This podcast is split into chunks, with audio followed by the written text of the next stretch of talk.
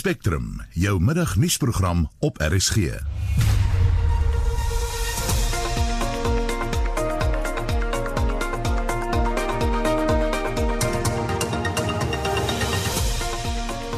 Welkom by Spectrum regstreeks vanaf die Toyota US Woordfees in Stellenbosch soos Johan gesê het. Ons is hier reg vir die kaja kom loer gerus in as jy verbykom. Hier sit plek. Ek dink hier's nog sitplek. Hier's baie mense wat hier so sit. Baie welkom hier julle.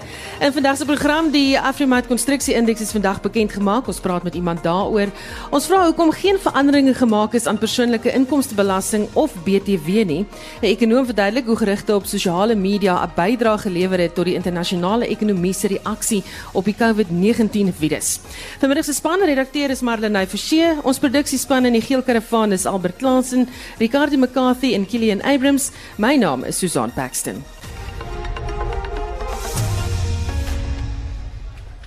Is nou 12 minute oor 1. Eskom het 'n Hooggeregshof aansoek gewen om teen die beslissing van die nasionale energiereguleerder van Suid-Afrika appel aan te teken wat verhoed het dat die maatskappy die 2018-19 tariefverhoging van 15% sou instel. Intussen is fase 4 beerkrag van krag en uh, die energiekenner Ted Blom is op die verhoog met sy mening hieroor. Ted, hoe lank dink jy gaan ons nog fase 4 hê? Ehm uh, goeiemiddag. Ja, dit kan nog 'n geruime tyd duur. Ehm um, uit die aard van die saak, ek nie die nuutste statistiek van hoe ver in die moeilikheid Eskom is nie, maar ehm um, ek dink ten minste tot die naweek toe sal ons uh, fase 4 hê uh, en geleidelik uh, hoop uh, ek dat hulle van volgende week af vir Koebreg weer aanlyn kan bring. Uh dit is een van ons staatmaker generators en uh is 'n groot klap in Eskom se vermoë as hy afgaan. En uh ek het verneem van meneer Oberholz vanoggend dat dit teen die naweek sal gebeur. Nou, wat is die impak van die hofbeslissing in die Nersa Eskom saak op die energiereguleerder? OK, uh, dit is 'n baie omstrede situasie. Ehm um, ek is uh, taamlik intiem bewus van die probleme wat Eskom gehad het met die uh, die uh, resultaat wat Nersa vir hulle gegee het. Uh, en, en wat Nersa gedoen het is hulle het probeer om vir 'n verandering na 10 jaar se geveg uh, waar, ek verskyn het, het hulle probeer om meer gelyk te gee aan die publiek se belange. En ek het by daardie verhoor het ek uh, keer op keer op keer aanteigings gemaak dat die rede vir die tariefverhoging is om Eskom se korrupsie te befonds. En ek staan nog steeds daarby. Uh en uh, Eskom het kapsie gemaak teen die feit dat Nersa uh, se metodiek 'n bietjie uh uh wyd geloop het, synde dat hulle uh, Eskom se personeel uh kostes teruggewerk het na 2007 se kopgetalle. Aan die een kant en tweedens Eskom se steenkool verkope of aankope uh, teruggewerk het na 2013-14 toe en dit dan met 'n indeks aangesuiwer het. Uh Eskom het kapsie gemaak daarteen en ek dink uh as ek reg verstaan, gaan Nersa hierdie saak op appel neem en ek sal weer hulle sal weer verhoring moet hou oor landwyd en uh om Eskom se nuwe aansoek te verhoor, maar ek dink Nersa gaan hierdie ding op appel neem en ek dink daar's 'n sterk kans dat hulle uh daai appel uh, gaan gaan wen. Uh ongelukkig lyk dit vir my was Nersa nie ordentlik voorberei vir wat hulle in die hof uh, gekry het uh, met die Eskom uh, aansoek nie. Hoe gaan verbruikers hierdeur geraak word? Wel as as Nersa verloor, uh, beteken dit dat uh, ek en jy oor die volgende 2 jaar uh, sodra uh, die nuwe tarief siklus inkom, uh, addisionele 34% tariefverhoging gaan kry. Of dit nou eenmalig is of uitgesprei oor 'n jaar of twee, maar dit is die omvang van die huidige uh, uh, uh, hofbeslissing. As Eskom uh, wen en uh, Nersa dit nie appeleer nie. Nie 'n probleem wat vinnig opgelos gaan word nie. Nee, hierdie ding gaan lank sloer. Uh, Daar's nog 3 ander aansoeke ook waarvoor uh, waar Eskom in die hof is. Ek dink die les wat Nersa nou geleer het, is dat jy kan nie sê ek is die reguleerder en dan onvoorbereid uh, hof toe gaan nie. En uh, en dit is waar uh, hulle nou behoorlik uh, hulle saak verloor het. Ek dink hulle voorbereiding was uh, nie opgewasse teen die aanslag van Eskom se kant af nie en ek het telefonies gisteraand gehoor uh, dat hulle hulle gaan definitief die saak her in heroorweging neem en as hulle as die politieke kant dit bewillig Want jy moet besef, uh, NERSA is 'n deel van 'n politieke departement van die regering. Eskom is deel van 'n politieke bestek in uh, onder die departement van uh, uh, uh, uh, bedryf. Uh, is maar as die politieke mense nie inmeng nie, sal NERSA definitief die saak op appel neem en ek dink hulle staan 'n goeie kans om dit te doen. Indien hulle al die uh, uh, hofaansoeke verloor teen Eskom, gaan ek en jy 'n 104% addisionele tarief betaal. En dit is onbetaalbaar. So dit is nou tyd dat ons almal 'n uh, uh, skouer in die wiel sit en uh, op ons knieë gaan en hierdie saak beveg. Want dit is dit is 'n kwessie van uh, uh, of ons bly in die lewe of ons word vermergel deur die Eskom tarief aansoeke. As jy sê almal moet iets doen, uh enigiemand wat hier sit, wat wat presies moet hulle doen? Jy veg en praat en gesels, maar wat moet ja, ons fisies maar doen? in die aard van die saak uh, is dit baie moeilik uh, om aan die voorbereiding te doen as jy nie 'n uh, inkomste het nie. En uh ek dink dis waar die mense kan help is uh, miskien te help om van die regskoste te dek. Uh elke aansoek wat ons aan aan, aan privaat wil instel, kos omtrent 4 miljoen rand en dit vat taamlike rondgedansery om daai geld elke keer in die hande te probeer kry. So nee, ek dink as mense ons uh, goedgesind kan wees en dit sal ook kan help met met 'n uh, uh, in 'n uh, inligting. Ek het byvoorbeeld nou vanoggend weer inligting gekry van massiewe korrupsie by die kr kragsentrale. Meneer Oberholz sit in die hoofkantoor. Hy is nie bewus van al die korrupsie wat ter plaatse by 450 persele plaasvind nie. Dis die publiek wat ons kan help met daai inligting. En as jy dit kan deurgee, beloof ek ek sal my bes doen om dit stop te sit. Al sê daar het jy 'n onderneming, dit was die energiekenner Ted Blom. Baie dankie dat jy met ons kom praat het. En julle kan maar gerus aan klaar. Belastingkenners was verras deur die minister van Finansies besluit om geen veranderinge aan persoonlike belasting of BTW te maak tydens sy begrotingsrede nie. Dit ten spyte van die finansiële krisis waarin die land verkeer. Leonard Willemse, senior belastingkenner van ZAR sê daar kan verskeie redes wees vir die besluit en uh, hy is hier om daaroor te praat. Was jy verras dat daar geen belastingaankondiging was nie? Goeiemiddag Susan, goeiemiddag luisteraars. Ehm um, ja, ek dink ons almal was aangenaam verras geweest deur hierdie amper half 'n pro verbruikers ehm um, ehm um, begrotingsrede. Ehm um, soos jy reg opgemerk het, daar was ehm um, baie sterk sprake dat BTW sou verhoog, moontlik na 16%. Jou kapitaalwinsbelasting insluitingskoers dalk mag verhoog ook moontlik jou marginale koers. Ek bedoel ons sit nog steeds met 'n maksimum koers van 45% daar was sprake dat dalk 46% sou wees. Maar ten spyte daarvan het dit nie gebeur nie. En ek dink ehm um, die gesprek wat ons nou net gehad het oor Eskom. Ehm um, ek dink dit het 'n ongelooflike groot rol gespeel in wat Tesorie besluit het ten opsigte van die begroting aangesien die verbruiker al klaar vuisfoos is in die eerste plek. En tweedens daar's ook klomp eksterne faktore waaroor Suid-Afrika nie enige beheer het nie ehm um, jy goed soos Brexit, jou koronavirus ensovoorts wat druk plaas op ons ekonomie. So ehm um, vanuit 'n belastingoogpunt uit was dit 'n baie baie ehm um, verrassende en verfrissende begroting vir die verbruiker spesifiek. Is ons op 'n punt waar al gaan ons meer belasting wil insamel dat ons dit nie gaan kry nie? Dit is 'n baie goeie vraag en ek dink Tesorie het erken in die in die begrotingsrede dat as mense gaan kyk na die Suid-Afrikaanse belasting verhouding as 'n persentasie van bruto binnelandse produk, dan is dit tans op 26% wat alreeds 'n baie baie hoë persentasie is en ook eintlik te hoog vir 'n ontwikkelende land soos Suid-Afrika. So Tesorie het gekyk na ander maniere om um, ons um, begrotingstekort te verminder waaronder um, 'n fokus op staatsbesteding, die publieke sektor loon te um, verminder en ook staatsbesteding in toom te hou en dan natuurlik ook verligting te gee vir die verbruiker wat dan ook moontlik die ekonomie kan stimuleer. Ehm um, of dit wel gaan gebeur ehm um, deur verhoogde besteding omdat jy 'n bietjie ekstra in jou sak het, dit mag dalk ehm um, geneutraliseer word deur ander stygings in ehm um, elektrisiteitspryse ensovoorts. Julle werk met die publiek wanneer dit nou kom by belasting byvoorbeeld met maatskappye. Ehm um, waar lê die vertrouensvlak van die publiek, maatskappye in die regering en in die inkomste diens om wel belasting te kan insamel en dit ordentlik te aan te wend? Ek dink dis op 'n laagtepunt verseker. Ehm um, mense kry baie navrae van mense oor is daar 'n manier hoe jy jou belasting byvoorbeeld eerder aan 'n provinsiale regering kan betaal as aan die nasionale regering. So daar is definitief gevoel onder mense daar buite dat um, hulle is moeg. Hulle is moeg vir al hierdie um wanbesteding ensovoorts. Maar dit ook gesê, daar word positiewe geleide gemaak deur deur die regering. Die afgelope begroting is 'n is 'n voorbeeld daarvan. Ehm um, die feit dat hulle wil fokus op staatsbesteding. Um, die feit dat hulle wil staatsinstellings soos Eskom, SAL ensovoorts regkry. Die vraag is gaan hulle dit kan regkry om daai vertroue van die publiek weer terug te wen? Wat ook in ag geneem moet word is die skade wat gelei is in die afgelope paar jaar um, by SARS onder die leiding van Tom Moyane. Um, die huidige kommissaris meneer Kieswetter het dit duidelik gestel dat hulle hard werk daaraan om die beeld van SARS te verbeter. En weer eens, ehm um, mense gaan moet kyk, uh, net die tyd sal leer of dit wel gaan gebeur. Hmm.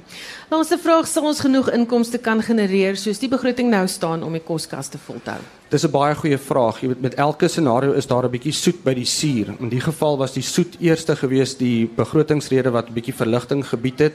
Die suur daarna, ons het gehoor ons is nou in 'n resessie, met ander woorde daar jy gaan afleggings sien by by by besighede ensovoorts.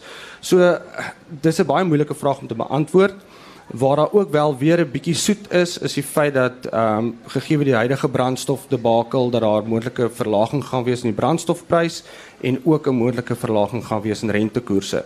Wat verbruikers wel moet na oplet en individue daar buite is dat as jy wil bespaar deur middel van belasting om dit binne die wetsraamwerk te doen. Met ander woorde dat jy belastingvermyding oorweeg in plaas van ontduiking, want ontduiking is die onwettige manier. En die enigste manier om dit reg te kry dat jy binne die raamwerk bly is om met kundiges te gaan gesels oor hoe kan ek my um inkomste struktuur of my my pakket in so 'n manier struktureer dat ek die minste belasting binne die wet betaal. En ons gaan dit daar los. Baie dankie. Dit was Lennard Willemse, senior belastingkenner van Mazars wat met ons kom praat het uh, oor die kwessie.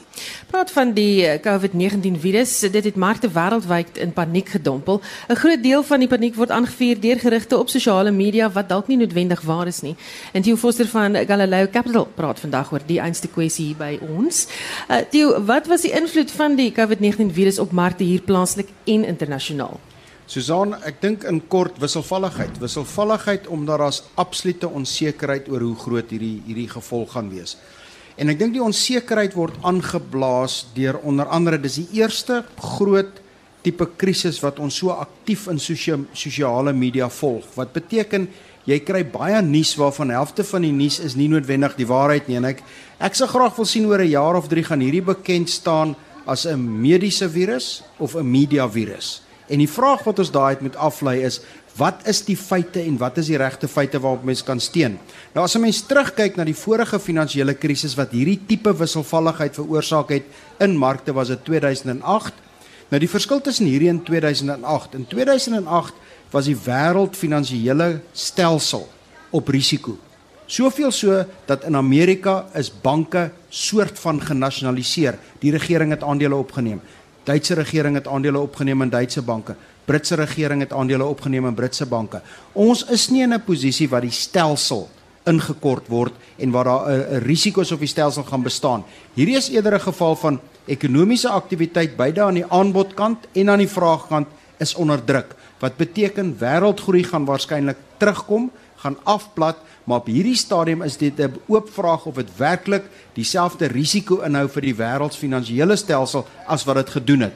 My opinie is as jy kyk na die getalle, byvoorbeeld, ons praat nou van 13 mense in Suid-Afrika. Wel, elke jaar gaan daar blykbaar tussen 4000 en 10000 mense in elk geval ongelukkig dood vanweë verskillende vorm van griep. So, hoe groot is hierdie syfer werklik? Wat is die impak hierop werklik op die einde van die dag? En dis wat dit moeilik maak. Die markte hou nie van die onsekerheid wat hiermee gepaard gaan nie. Maar hoekom sou die markte steur aan iets wat ongetoets is? Miskien 'n feit op sosiale media wat niemand nog bevestig het nie. Onthou markte histories, hoe jy ook al daarna kyk, gerugte speel 'n baie groot rol. Mense is emosioneel. Mense maak emosionele besluite of dit nou individue is en of dit fondsbestuurders is of self bankiers is in hierdie omgewing. Omdat jy onsekerheid is, maak jy 'n besluit wat baie keer nie die regte besluit is nie en jy begin daai amper sien wat jy eendag as die mark in Amerika byvoorbeeld af met 6-7%, volgende dag op met 3 of 4%. Wat het nou eintlik verander? Het daar iets verander in terme van die ekonomie? Het daar iets verander in terme van die onderliggende sake? En ek dink dis waar die effek is wat ons wel begin sien is 'n paar goed. Ons het nou gepraat in die nuus van Brittanje wat 'n klomp likwiditeit in die mark sit. Ons sien die Amerikaners sit 'n klomp likwiditeit in die mark. Dis maniere om hierdie wisselvalligheid te probeer stabiliseer, maar ek dink hier's een permanente gevolg wat hiervan gaan kom en dit kan positief vir Suid-Afrika wees. Wêreld uh, produksieketTINGS was te veel gekonsentreer in China en in baie gevalle in dieselfde provinsie. Die eerste persone wat daarna verwys het was Apple so 'n klompie weke gelede wat gesê het wag so 'n bietjie ons produksieketting is te gekonsentreer in 'n geografiese area. En jy begin nou sien dat van die plaaslike kettingwinkels sê maar ons T-hemde gaan van die rakke begin kort word. Jy sien in Australië mense kry nie toiletpapier nie. Die eenvoudige rede is produksieketTINGS het gekonsentreerd geraak. En die gevolg gaan wees soos met die motorindustrie waar Suid-Afrika vir Europa motors vervaardig, gaan jy produksieketTINGS kry wat gaan die risiko aanspreek oor groter dele van die wêreld. Jy gaan 'n bietjie later hier ehm um, jy weet oor hierdie kwessie gesels ja. op hierdie einste verhoog. Ja. Maar ehm um, net miskien vinnig, hoe bly jy bestand teen die vals nuus en beskerm byvoorbeeld jou bates of aandele of beleggings? Kom ons begin eers. Ons praat vanmiddag vanaf 4uur tot 5uur vanmiddag donderdagmiddag en vrydagmiddag by hierdie selfde praat ons spesifiek op hierdie onderwerp wat jy nou aanraak en ons gaan probeer kyk wat is die metodiek. Die eerste ding is moenie 'n emosionele besluit maak wanneer markte wisselvallig is nie. Ga, gaan terug na die goed wat jy kan beheer. Gaan terug na die goed waaroor jy beheer het en vergeet van hierdie emosionele bewegings want jy het nie beheer daaroor nie. En 'n ding tweede is dan as jy gaan kyk na nuusbronne, gaan kyk wat sê die Wêreldgesondheidsorganisasie. Gaan kyk wat sê die Wêreldbank en die IMF. Moenie gaan kyk wat sê iemand wat 'n kwansy se klomp feite bymekaar sit nie. Dit is eenvoudig nie waar nie. Dit som eers. Baie dankie. Dit was die Foster ekonom van Galileo Capital en uh, soos hy gesê het, bietjie later op hierdie einste voor gaan hy uh, verder gesels oor hierdie kwessie.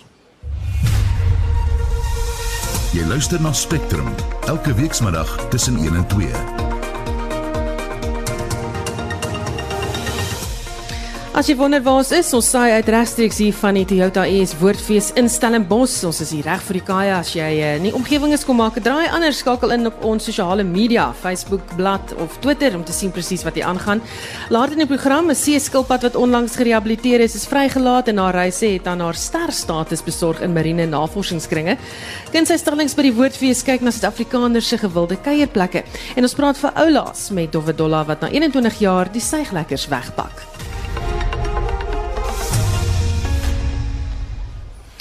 Dis 13:32 tyd vir sportnuus en sportnuus is dat 'n cricket wêreldbeker toernooi van 'n ander aard vanoggend in Kaapstad afgeskop het. Die tweede toernooi van sy soort vir spelers ouer as 50 jaar is onderweg. En ons praat nou hieroor met uh, en oor ander sportgebeure van die dag met Oud Monitor en Spectrum kollega Renet Cronje. Renet Suid-Afrika se Golden Oldies. Hier gaan 'n paar mense wees wat my dalk nou skerp gaan kyk, kwai kyk. Is tans in 'n stryd teen Wallis in Kaapstad gewikkel. Beslis is aan. Ek dink die toernooi is gewisse vertoonvenster vir die sending oud maar nog nie koud. So Suid-Afrika het uh, die lood gewen en besluit om eers te golf. In die Suid-Afrikaanse span is natuurlik bekende name soos Dave Callahan wat destyds vir die OP gespeel het, ook vir die Proteas op nasionale vlak verteenwoordig het, Dave Duncan en dan ook die veelsidige speler Allan Dawson. Suid-Afrika het 253 vir 5 aangeteken in 45 balbeurte. Die wedstryd word beslis oor 45 balbeurte en nie 50 soos wat die gebruik is in eendagwedstryde nie. Suid-Afrika se beste kolwer was Allan Dawson, die veelsidige speler wat ook 'n baie goeie bowler is. Hy het 69 nie uit nie behaal en Dave Duncan het 57 lopies gemoker. Die kaptein van die Suid-Afrikaanse span, Dave Callahan, het ook 'n skaflike 52 lopies aangeteken. En die Suid-Afrikaanse span word natuurlik afgerig deur die legendariese snelbouler Allan Donald. En 12 spanne gaan sake uitspook vir 'n plek in die eindstryd van die toernooi wat op 24 Maart in Kaapstad plaasvind. Ander cricketnuus is dat gister se wedstryd tussen die Knights en die Lions in Bloemfontein uitgereën het. Ja, ons het gister ook melding gemaak van die wedstryd. Die Lions wat eers gekolf het was op 188 vir 7 na 42 balbeurte, toe die hemele in Bloemfontein behoorlik oopgegaan het en spel toe gestaak is. Die reën het egter nie gewyk nie en die wedstryd is toe afgelas met elke span wat 1 punt verdien het. En die Titans gaan skoonskip moet maak in hulle laaste twee wedstryde van die Momentum Eendag beker om hulle aanspraak op 'n plek in die halfeindronde lewend te hou. Dis reg, die verdedigende kampioene die Titans beleef sover 'n teleurstellende seisoen nadat hulle oorwinning gesmaak het in slegs 3 uit 8 kragmetings. Die Titans kom dan vandag op Willowmore Park in Benoni teen die Cobras te staan en dit is gewis vir hulle 'n maak of breek wedstryd. Uh en die wedstryd het so rukkie gelede begin. Baie dankie, dit was die vryskut joernalis Renet Cronje. Die land was onlangs aangegryp deur die storie van Yoshi, die seeskilpad wat al die pad van uh, ons kuslyn tot na Australië geswem het. En om te praat oor Yoshi en ander seeskilpad stories, is die woordvoerder van die Two Oceans Aquarium in Kaapstad, Renay Leoner hier by my. Uh, Renay, wat is die jongste oor Yoshi? Wel, die jongste is dat sy so om en by 3 km van die strand af is in Australië en dat sy daar ergens in uh, wat hulle noem 'n mangrove forest is, so sy eet. Dit is die jongste. Sy eet aan mekaar. Yoshi was nog altyd deur haar maag geregeer en gegaan waar haar maag vir haar lei en dit ons het dit ook gesien in haar hele roete wat sy gevolg het. Sy het gegaan daar waar haar kos is. Sy's steeds besig daarmee. Hoekom is hierdie data wat nou ingesamel word oor haar of deur haar reis so belangrik? So Yoshi het nou 37000 km geswem. Dis die langste migrasie van enige ehm um, dier wat so deur so 'n satellietbaken ehm um, gevolg is. En uh, om boop dit is dit ook seeskilpaaie het 'n baie misterieuse lewenswyse wat hulle volg. Ehm um, vir die eerste paar jaar van hulle lewens weet ons glad nie waarheen hulle gaan nie. En om te sien waar Yoshi nou gaan, is merkwaardig want sy is soos tussen 25 en 30 jaar oud. So sy's op daai daai drempel van sy wil haar eie eiers gaan lê en sulke dinge. So ons kan baie mooi sien hoe sy die seestrome volg alhoewel Yoshi nog die hele tyd in die stroom so. Sy het in die teen die stroom opgeswem in die aquarium. Sy doen dit nog steeds. Maar jy kan sien waar hulle gaan. Jy kan sien hoe die migrasies werk. Ons het ook gesien dat haar migrasie baie soos die ehm um, daai uh, wit haai in die kaal was. So daar's baie van daardie ooreenstemmende aspekte.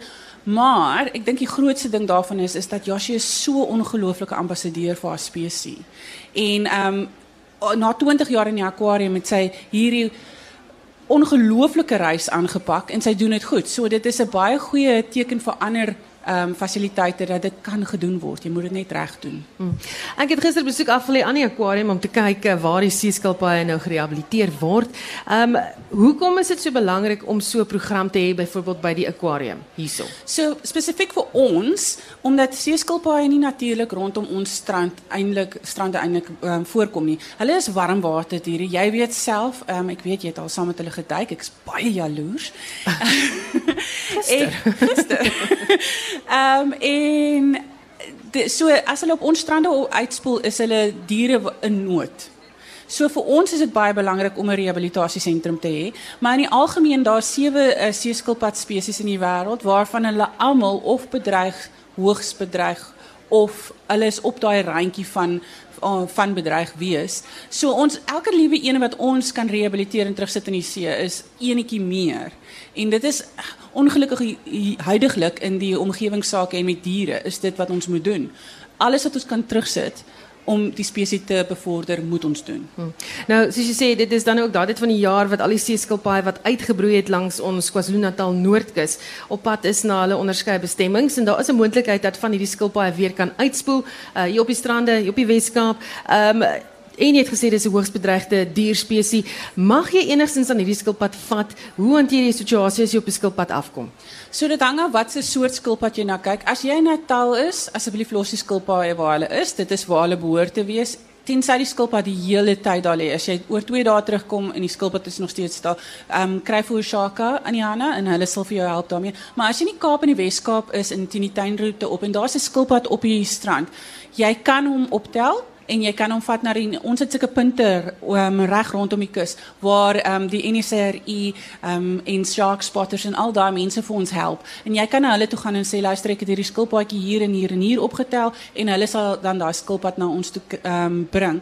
Die ding is hier aan die Weskaap uh is die water te koud vir hulle. So hulle kom dan na ons toe vir rehabilitasie en dan ons hou hulle gewoonlik so tot by Desember of so en dan en dan laat ons hulle weer vry. Hm. Enige spesifieke manier hoe daai skilpad moet vervoer of ander? Natuurlik wat mense ehm um, baie maklik vergeet en of hulle dalk nie weet nie is dat 'n seeskilpad het longe net soos ek en jy, so hy moet kan asemhaal. So moet hom asseblief nie in 'n toehouer sit nie.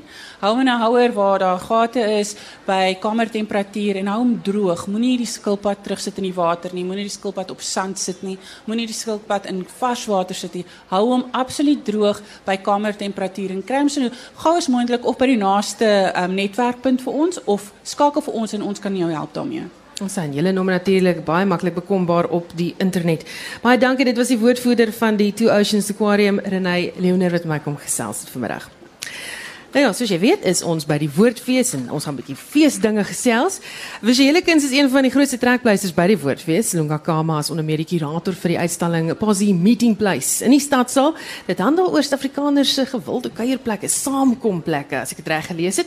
Um Lunga, hoekom het jy die tema vir die uitstalling gekies? En sit vir my lekker naby aan hierdie mikrofoon. Dankie. Ehm um, middag na die RSG uh, luisteraars en middag almal, as Susan. Uh eerstens die uitstallings gaan oor 'n plek waar uh swart en wit mense kan bymekaar kom en ervaar die verskillende um kunsten kuns kunstenaars se kunswerke waarmee hulle kan kry die idee van hoe werk um die idee van die skildery, die konsepte wat die kunstenaar probeer sê oor hulle kunswerke. En ehm um, jy weet is die aard of hoe kan ek sê wat is die as ek daar instap, wat gaan ek sien? Wel, daar is uh, baie om te sien. Dat is dis 'n voorreg om um, om te wys hier in Stellenbosch die die verskillende plastieke kunstenaars soos Anati Kyawa wat skildery oor die konsep van uh, die die idee om nie die vorige uh, geskiedenis te, te. Sy skildery skilderye is van um uh plastieke uh um uh, mense soos uh, in die ou tye soos die oorloge in die ou tye in die in die geskiedenis van die Xhosa culture waarmee hy skildery uh uh koeie en en en en skape en so voort. Um hy praat van die idee van uh ons moet hoop hê um as ons kyk na die geskiedenis van Suid-Afrika, die oorloge, uh die gestreide en so voort. Um en dan daar is ook 'n ander plastieke skildery uh daar Adrian de Villiers uh is 'n beeldhouer. Um sy beeld hoe gaan oor sy uh uh hom as as sy self selfportret. Um dis uh dis baie geskiedenis van kunswerke wat plastieke uh kunstenaars is daar by die stadsaal in hier in Stellenbosch. Uh so ek wil vra vir mense om te kom kyk uh en en sien wat is daar En julle die wat hier is kan sommer sien hoe lyk Lunga en as jy hom sien, praat met hom, selfs met hom oor die uitstallings. Toe jy hierdie uitstalling aan mekaar gesit het, die tema gekies het, wat wou jy uh, vir die mense wat kom kyk sê? Ek wil sê um um kom ons uh keer kom ons uh um kom keer hier by ons uh by 'n plek waar ons kan geselskap hou, ons kan uh uh bou bou vriende en, en so voort waarmee ons gaan praat oor kuns, waarmee ons gaan praat oor die algemene politieke goedes wat ons ervaar in ons uh, gebiede. Um en ook is is 'n plek waarmee ons kan rustig voel en ontspan en en en uh, een glasie wyn drink en en net praat oor die algemeen oor uh, wat maak ons uh, soos gewone mense. Baie dankie dit was Dunga Kama kurator van die uitstalling Posi Meeting Place en dit is hier in die stadsaal so as jy draai wil gemaak gaan kuier gerus dan baie dankie. Dankie, dankie. Ons wy die laaste gedeelte van ons program aan komedie en humor en om dit af te skop speel Pietman Geldenhuys, storieverteller en sanger van Stoep Stories vanmiddag vir ons iets. Um Pietman, wat sing jy en in die konteks van satire hoekom het jy die liedjie gekies? Uh goeiemôre aan die luisteraars en almal hierso in Stellenbosch. Ek het die liedjie gekies want hy's so 'n bietjie tong in die kies. Uh dit gaan maar oor elke dorp wat sulke karakters het. En uh die liedjie se naam is die Bakbeen Anties. Miskien herken julle van die karakters. Miskien is daar so iemand in jou dorp ook. As hy al langs die straat in die vooraf dryf en die manne fluit aan naam As hy sweet uit haar oë met haar plat hand vryf, kom die bakbeen anties aan. Haar naam was Ria Rondrol. Van diskant keeper sou verstil sit sê sy niks nie. Net hoe sy rond kon jol. O oh, wanneer sy los was was sy joune.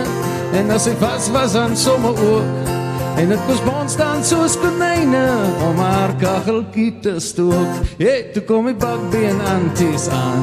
Toe kom die bakbeen anties aan. Hey, toe kom die bakbeen anties aan. Toe kom die bakbeen anties aan.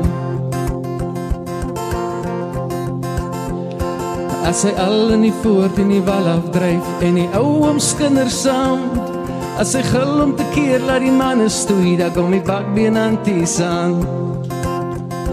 Haar man was Mina Mofskap van Garrison in Noord-Kaap. Verstil sit sy sy niks nie, net om deur te slaap. Oh, want as sy los was, was sy joune en as sy vas was dan sommer ook. En dit kos bons dan soos konijne om haar kachelkie te stook. Hey, toe kom die bakbeen anties aan. Toe kom die bakbeen anties aan. Hey, toe kom die bakbeen anties aan. Toe kom die bakbeen anties aan. Nou die twee kom mekaar in 'n boek raak lees, maar ontmoet tog net nie gou nie. Want as een van hulle jou beet kry, as hulle nooit weer iets kan kou nie. Oh, want as hy los was, was hy joune, en as hy vas was aan somme ook. En dit kos ons staan soos te neine om maar kachelkie te stook. Hey, daar kom ik pak bien anties aan. Toe kom ik bak bien anties aan. Hey, daar kom ik bak bien anties aan. Toe kom ik bak bien anties aan. Lei die applous hier van die verhoog af en hier van die gehoor ook af. En uh, dit was Pietman Geldenhuys sanger en storieverteller van Stoep Stories wat 'n uh, bakbeen anties gesing het. Pietman gaan nou-nou weer saamgesels, so as jy meer van hom wil hoor, bly ingeskakel. Dowwe Dolla gaan die jaar die kollig vaarwel roep. Na jare wat die blonde bom met haar segstokkies en humoristiese waarhede gehore vermaak het, is dit tyd om te groet. Margit Meyer Rodenbeck, die brein agter Dowwe Dolla se loopbaan gaan egter van krag tot krag. Margit, welkom hier. Baie dankie. Ek hou van die brein agter. Ja, ja. Baie slim klink. Hoekom is dit tyd vir Dolla, Dowwe Dolla om uit te tree? Daar's 'n kort antwoord daar skoene druk. Dit is 'n skoene daai. Dis 'n lank mee staan. stiletto wat nou begin druk. Die lang antwoord daar's daar's daar's baie redes. Die een rede is ek dink dit is tyd vir jong stemme. Ek dink daar's baie vrouens in Afrikaans wat regtig net hulle stemme moet begin dik maak en begin praat. So ek wil graag 'n gat los. 'n leemte los om gevul te word. Stop dit. Ek kan nou sien meld het nou weer heeltemal twee drie ander gedagtes op my woorde daar gehad. Ek wil graag ek het te min tyd. Ek het nog dinge. Ek het 50 geword Januarie. Ek het besluit ek kan nog vir jare dollar. Ek love die karakter. Maar aan die ander kant het ek so baie dinge wat half op my komputer lê. Half staan, half gebou is, half gedoen is. 'n boek, 'n teaterstuk. uh, boek goedjies. 'n Halwe nee, gaan nie 'n boek nou skryf nie, genade, wie wil dit lees? Nee, ek het ek het 'n draai, ek het 'n radiodrama wat half, wat ek 'n kinderboek wat half is, maar ek het klomp goedjies wat ek nog wil doen en ek wil nie 75 wees en terugkyk en sê ek wou nog nie. Hoe moeilik was dit om die karakter te skep en humoristies en relevant te hou? Moeilik. Dis moeilik. Dit ek, ek dink nie mense besef as jy satirikus in die land is wat 'n belangrike werk en 'n funksie dit is nie. Jy moet op hoogte bly. Ek is nie Trevor Noah nie. Ek het nie 'n span van 10 of 20 mense wat saam met my kan werk nie. Dis aanvanklik was dit Henny van Groenen, nou is dit my man Jurgen Niemann wat saam met die tekste skrywe. Dis mense jy moet elke dag alles lees. Jy moet heeltyd op hoogte bly. Jy moet heeltyd relevant bly. Jy moet heeltyd satiries, jy moet snydend dink. Um En die afgelope paar jaar het ek baie ander shows ook gedoen en Dolla het so klein bietjie geskuif een kant toe en dan weer uitgehaal. Um en ek het besef ek spandeer nie genoeg tyd daarna nie. So as ek relevant wil bly, gaan iets anders moet agterweë bly. En ek het besluit nee, na 25 jaar want sy was eers 'n cameo karakter, is dit nou tyd om oor te gee die stokkie vir iemand anders en ek wil nou ander goeters doen. Dit beteken nie ek gaan niks meer komedie doen nie, maar Dolla gaan die jaar groot pret en groot moles hê, maar op 31 Desember hang ons die stilettos op en is klaar. Sy stokkies weg. So daar's twee breine agter dit of wag. Dowwe Dolla. Luister, uh hoogtepunte, laagtepunte. Daar's baie hoogtepunte en daar's baie laagtepunte. Uh satire in ons land, uh, veral afkomende uit 'n Afrikaanse vrou se mond, is nie almal se cup of tea nie.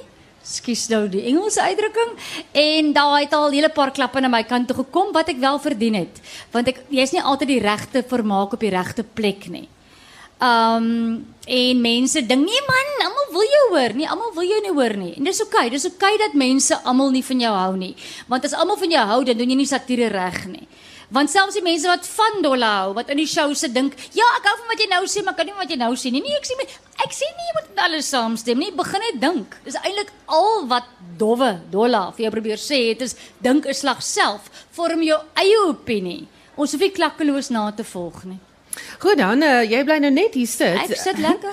Die aktrise Marion Holm sit reg langs jou en ek het gesien toe jy nou gesê het jy weet nie almal hoef jy van jou te hou nie. Het sy daar en Nee, ek het my stem dik gemaak. kop geknik daar. Stem jy saam? Want jy het nog komedie. Uh, stem ek saam met wat ek kan nie glo dat iemand nie van David Dolla wil hou nie, maar ehm um, Jy moet op my maatjie wees. eh, nee, uh, uh, Ehm um, ek dink dit is elke mens se reg om beslis nie van alle optredes of kuns of ballet of musiek te hou nie. Ek dink net dat ons regtig moet ophou om daai opinie kliphard en op 'n onbeskofte manier te broadcast. Terwyl jy dit noem, vertel vir my wat met jou gebeur het. Ja, ek dink dit gebeur nou al hoe meer. Eers was mense net onbeskof met mekaar in die winkel en so. Ek het dit al hoe meer gesien ons ons samelewing raak onbeskof in in in toe sit op sosiale media. Nou sit sommer hier by die fees. Maar Giet kan nou vir julle vertel wat met haar gebeur het, wat met my gebeur het is en laat ek net vooraf sê want jy gaan dalk dink dit was my snaaks, dit was nie vir my snaaks nie, dit het my seer gemaak. Ons staan op die verhoog, ons is besig om voordele van eierwit te doen. Ek sê vir haar Dis dis dis 'n play. Dit, as jy dit nie gesien het nie, dis nie ons wat stand-up werk of reg met die Ja. ja. praat hier, dis 'n toneelstuk. So ons kan nie terugpraat Ek kan nie terugpraat met jou nie. Ek is besig om met my suster te praat in 'n huispak. My dialoog aan haar is: "Doen jy iets aan selluliet?" En 'n man skree uit die gehoor uit, hard dat almal kan hoor. "Sê jy!" Sê sê en jy kan geen niks terug sê nie. Saam met jou hier op die verhoog is ehm um, Retief skoolskrywer en regisseur en komediant. Meltsie Berage ook komediant of hy dink hy's een, ek weet nie. Nee, Uh, hy is een, hoor, hy is een. Nee, ek weet nie weet retief is een saam met my. nie. Hy sit my baas. Jy sit sit lekker naby daar. Ek noem hom 'n komediant want as jy so iets kan skryf en mense lag daarvoor, moet jy een. Saam met julle Pietman Geldenhuys storieverteller en elkeen is 'n vorm van komedie. En het julle al so iets ervaar miskien Mel? En in stand-up kry dit nogal baie want want ouens praat vlot brandewyn teen die tyd wat ek op die verhoog gaan.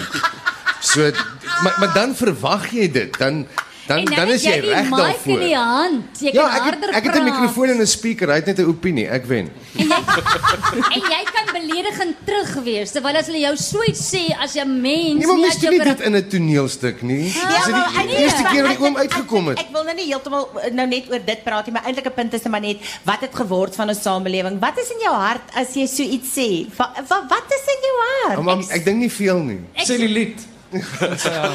Maar mense keuses. Hulle kan ons aan daai dis dieselfde op sosiale media. As jy nie van my hou nie, blaai aan. Vind iets waarvan jy hou. Dis soveel beter om vir iemand 'n kompliment te gee, maar wat doen mense? Hulle is liewer beledigend en snydend. Ja. Hoekom? Want dit kan nie lekker wees. Dit sê eintlik iets van daai persoon wat dit skrywe. Maar dit- nie van die persoon op wie hulle dit mik nie. Blaai aan. Vind iets waarvan jy hou. Maar as mense vir jou cheer terwyl jy stand-up doen, dan jy het Ja, game on.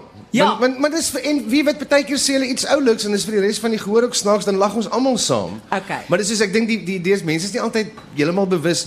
Mense sou dink mense weet wat om te sê, hoe om hulle te gedra, wat om te doen. Dit is nie altyd so nie. Ons het met hierdie toneelstuk wat ek saam met Retief doen, Nagskof Klik wat 'n ernstige stuk is. So is nogal 'n uitdaging. Ek moet werk om ernstig te lyk.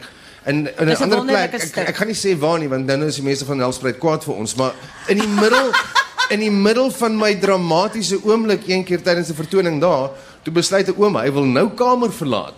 En hy bars by die sydeur van die skoolsaal uit, so die daglig kom in die die oomblik is weg. 'n nagskofklik. In nagskof. Dit was dit is maar net so ek dink ons oorskat baie keer mense se bewustheid van wat waar gepas is. Ek gaan nou hierso in die rede val want ek sien ek gaan nie in hierdie geveg wen nie. Ehm Wat jy eintlik wil sê is met ander woorde is dat wanneer jy hierdie komedie doen en ek retief ek wil hê jy moet iets dan sê want hulle gee nie kans nie. Hulle praat so mooi. Ek luister Ja. graag. Ehm is dit dit jy staan nie snaaks op nie. Hierdie is harde werk. Dis werk. Ekskuus, dit Ah, is praat nee, ek nee. hoor jou. Ek gaan nou vir jou gee. Glad ek gee om. daar wil sê is dat dat mense dink omdat jy snaaks is, voel jy ook minder. Oor na jou. Ja, ek ek ek dink ons praat baie daaroor. Um die die die die werk wat ingaan in enige produksie in is ongelooflik baie. Jy dis ure se sweet, dit is spanning, dit is grys hare, dit is want jy jy sit jou lewe en jou bloed en sweet daarin en en komedie amper meer want wanneer mense komedie gaan kyk, wil hulle lag. Hulle wil daar instap. Dit is hoekom hulle gaan en dit is amper asof jy dan gaan en sê, "Oké, okay, ek het jou uitgenooi na hierdie stuk toe en ek sê jy gaan ek gaan vir jou die geleentheid gee om te kan lag, maar dit dit is nie iets wat net gemaklik dan gaan gebeur nie. Dit is 'n uh, ek dink om om om komedie te kan doen, moet jy verskriklik ernstig en verskriklik hard werk want jy kan glad nie fake nie. Die die oomblik as jy vals is, mooi woord daar. Die oomblik as jy vals is, dan gaan jy gehoor gaan mm, Dit ja, dan met die singery ook nie. so. Werk daar ook so. Dis dieselfde ding. Dan loop hulle 'n bietjie. Mel, jy jy het effe daaraan geraak nou en dit is dat ehm um, jy moet doen komedie en jy kan dan mense terug antwoord wat uh, wat jy nie nou die dag of kon doen toe hierdie man vir haar skree nie. Maar nou is jy in 'n situasie waar jy moet woorde leer. Uh jy moet nou akteur speel. So hoe moeilik is dit om daai om 'n swaai te maak? Moeilik, nee, dit is baie moeilik. Uh, Dis lekker, dis uitdagend want ek dink mense mense kan lei raak met komedie want jy's die hele tyd jou eie jou eie teks en jou eie regisseur. Mm. So dis lekker om dit dit voel amper op 'n vreemde manier soos 'n soos 'n vakansie. Want want want ek kan net terugsit en iemand anderster se woorde opsê soos wat iemand anderster vir my sê om dit op te sê. Mm. Dis nie as die mense nie lag nie kan ek hierdie keer ten minste twee mense blameer en nie myself nie. Ja, dis dis voordeel. Maar in woorde leer is nie vakansie nie. Nee, is staat nog ons het steeds- pleis met autocues gedoen nie. Of Nee. leer jy nie die woorde nie. Nee, maar ek kry nog steeds daai droom dat ek dat ek dat ek toneel doen op hoërskool en oral op die meubels is daar so teks vasgeplant. Onder jou skoen. Pietman, jy uh, vertel stories. Dit is ook 'n ander manier van van satire, van komedie. Hoe laat jy mense lag? Hoe laat jy hulle aan jou lippe hang om net nog van jou stories te hoor? Um, ek ek, ek dis ook maar moeilik, maar mens moet eh, ek dink dit dit het baie met observasie te doen. As jy Mm. jy moet mense dophou en as jy as jy ons sien dit baie of ek dit sien dit baie by manne aande waar ou nou lekker uh, jy weet as Mm. ou ou kom Hy's sê was lekker alles slim jy dan. weet. En dis vir die lekkerste om dronk mense dop te hou. Dis soos in 'n dieretuin. Jy sien die hele tyd uh, nuwe eienskappe van 'n dronk mens en dan weerspieël jy dit maar net op die verhoog. Wel ek raak nie dronk op die verhoog nie. Ek bedoel ek ek maak hulle na. Ja. En so ek ek is maar eintlik net 'n spieël van society soos hulle sê. En nou ja, so uh, uh, met storie vertel is dit baie oor observasie en om net ehm um, die snaakse op te som en dit terug te vat na die seker maar met met stand-up ook so. Ja, jy jy, jy sê maar net wat jy sien. Ja. En dis die klein dingetjies wat jy raak sien. Ja, die die ou klein blommetjies. Mooi goedjies. Vroueoggende. Julle is ek, ek sien julle of as as ons op die verhoog is of ek sien as julle op die verhoog is, ek praat so 'n bietjie met julle as julle nie op die verhoog is nie. En ons het nou nou gesê julle staan nie snaaks op nie. Julle eh, is nie snaaks van natuur nie. Nee, ja, kyk agter sy is. Goed, uh maar hoe uitputtend is 'n komedie om hom op te voer, aan te bied, stories te vertel op enige vorm. Vandag vir my, hoe moeilik is dit vir jou, Marion? Uh, om dit alleen te doen is baie uitputtend want nie oor dat jy alleen backstage is, jy alleen op die verhoog want dan is daar niemand wat vir jou kan help nie. Om dit saam met haar te doen in sy teks, die voordele van Eierwit is makliker omdat eerstens hy moes al daai woorde uitdink en ons is daar om mekaar te help en ons doen En dit uh, maar as jy alleen is, dit is dis tog baie moeilik want jou brein uh, moet nou dink, o, hier het uh, iets geval, wanneer moet ek dit optel? Maar ek het nie tyd om te nie want ek is die hele tyd besig om te praat, dis moeilik. Dit en ek ervaar alleen so stolla op linie verhoog soos 'n fighter pilot. Want jy het onmiddellik, jy kan ook reaksie die gehoor uit kry. Jy het lag, jy het mense wat opstaan, iemand gaan piepie, iemand se foon gaan af, iemand dis direk. Daar's nie 'n muur nie. So ek ervaar alles wat terugkom ook na my toe. Dis soos 'n fighter pilot, jy moet heeltyd so konsentreer om in beheer te bly Ja. en 'n ritme te voel. Mm. En ek hoor nooit mense lag nie, ek hoor hulle asemhaal. En voor jy lag, gaan jy dan gaan seker 'n ander intrek van 'n asem, maar 'n ander ritme. En as jy gehoor lekker is soos vanoggend dan vlieg jy. Dan wil jy nie ophou nie, dan wens jy dit wil aangaan en aangaan en aangaan, maar ander kere dink jy ag, dan is my al klaar maak. Nou moet jy klaarmaak want uh, nou het ons tyd uit, uitgehardloop. Baie dankie julle dat julle saam kon kuier. dankie Susan. Reis, uh, hoe vir ek dit sê, uh, dit was ons gaste hier op die Voog Margriet Meyer, Rodenbeck, Marion Holm, Retiefskool, Smelt Meiburg en Pietman Geldenhuys. Baie dankie almal. En uh, daarmee groet ons reis en verblyfkoste is moontlik gemaak deur die Toyota ES Woordfees sonder dat redaksionele besluite beïnvloed word. En uh, ons groet namens Alwyn September is die span by die ES Museum, ons redakteur Marlenae Forsie, tegniese span Ricardo McCarthy, Albert Klasen, Kilian Abrams, die span Essie de Klerk, Ina Strydom, Vincent Mofokeng, René Cronje, Paul Thomas, Anke Notnagel, Leo Cordon en Lizaan Steenkamp. Ons waarnemende uitvoerende regisseur is Wessel Pretorius en my naam is Susan Paxton. Geniet jou middag.